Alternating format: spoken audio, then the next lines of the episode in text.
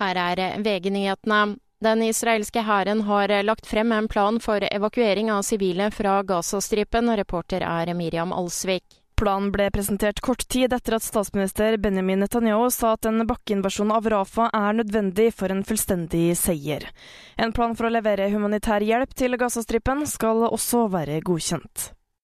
En person er sendt til sykehus og flere til legevakt etter to leilighetsbranner i Oslo i natt. Til sammen 50 personer ble evakuert fra brannene som var på Sankthanshaugen og på Ilam.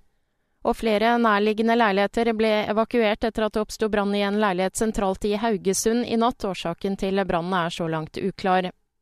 I dag skal Ungarns nasjonalforsamling etter planen stemme over Sveriges Nato-søknad. De er det siste landet i Nato som ikke har godkjent at svenskene skal slippe inn. Før helgen ble det kjent at Ungarn kjøper ytterligere fire kampfly av Sverige. I studio Kristin Strand, nyhetene får du alltid på VG.